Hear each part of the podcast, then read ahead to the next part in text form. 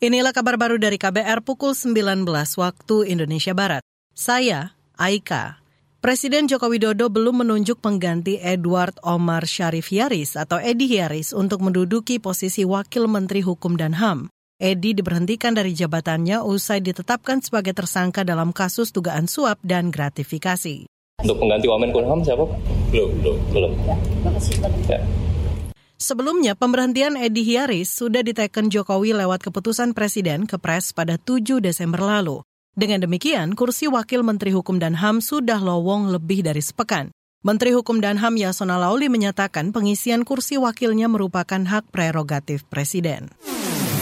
Kabar Pemilu Kabar Pemilu Komisi Nasional Hak Asasi Manusia mengimbau KPU RI dan Bawaslu RI bisa mencegah angka kematian kelompok penyelenggara pemungutan suara KPPS dan pengawas tempat pemungutan suara TPS di daerah pada pemilu 2024. Wakil Ketua Komnas HAM Pramono Ubay Tantowi mengatakan, perlu langkah antisipatif salah satunya lewat pembatasan usia dan kontrol kesehatan bagi para petugas.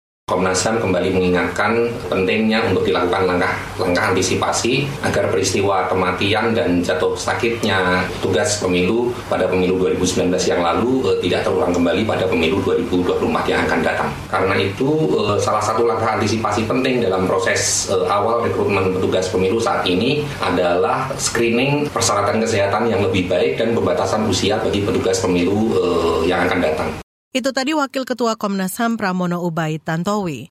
Saudara KPU RI saat ini membuka lowongan bagi petugas KPPS Pemilu 2024 sebanyak 5,7 juta orang yang akan bertugas di lebih 820 ribu TPS.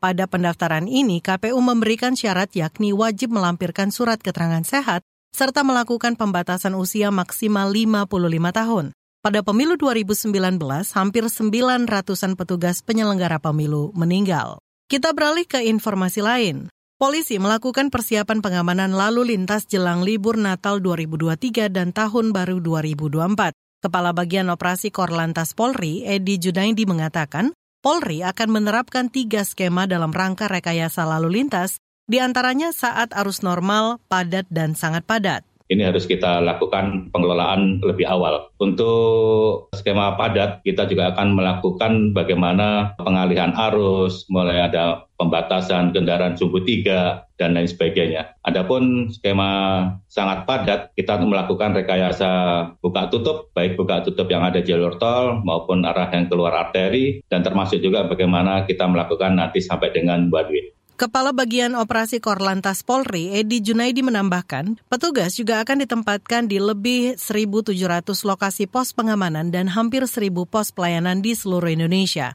Polisi juga bakal fokus mengamankan sekitar 43 ribuan objek vital selama masa liburan Nataru. Saudara, Kementerian Perhubungan memperkirakan pada libur Natal dan Tahun Baru mendatang terjadi pergerakan masyarakat lebih dari 107 juta orang. Angka ini meningkat sekitar 143 persen dari tahun lalu. Demikian kabar baru dari KBR. Saya Aika.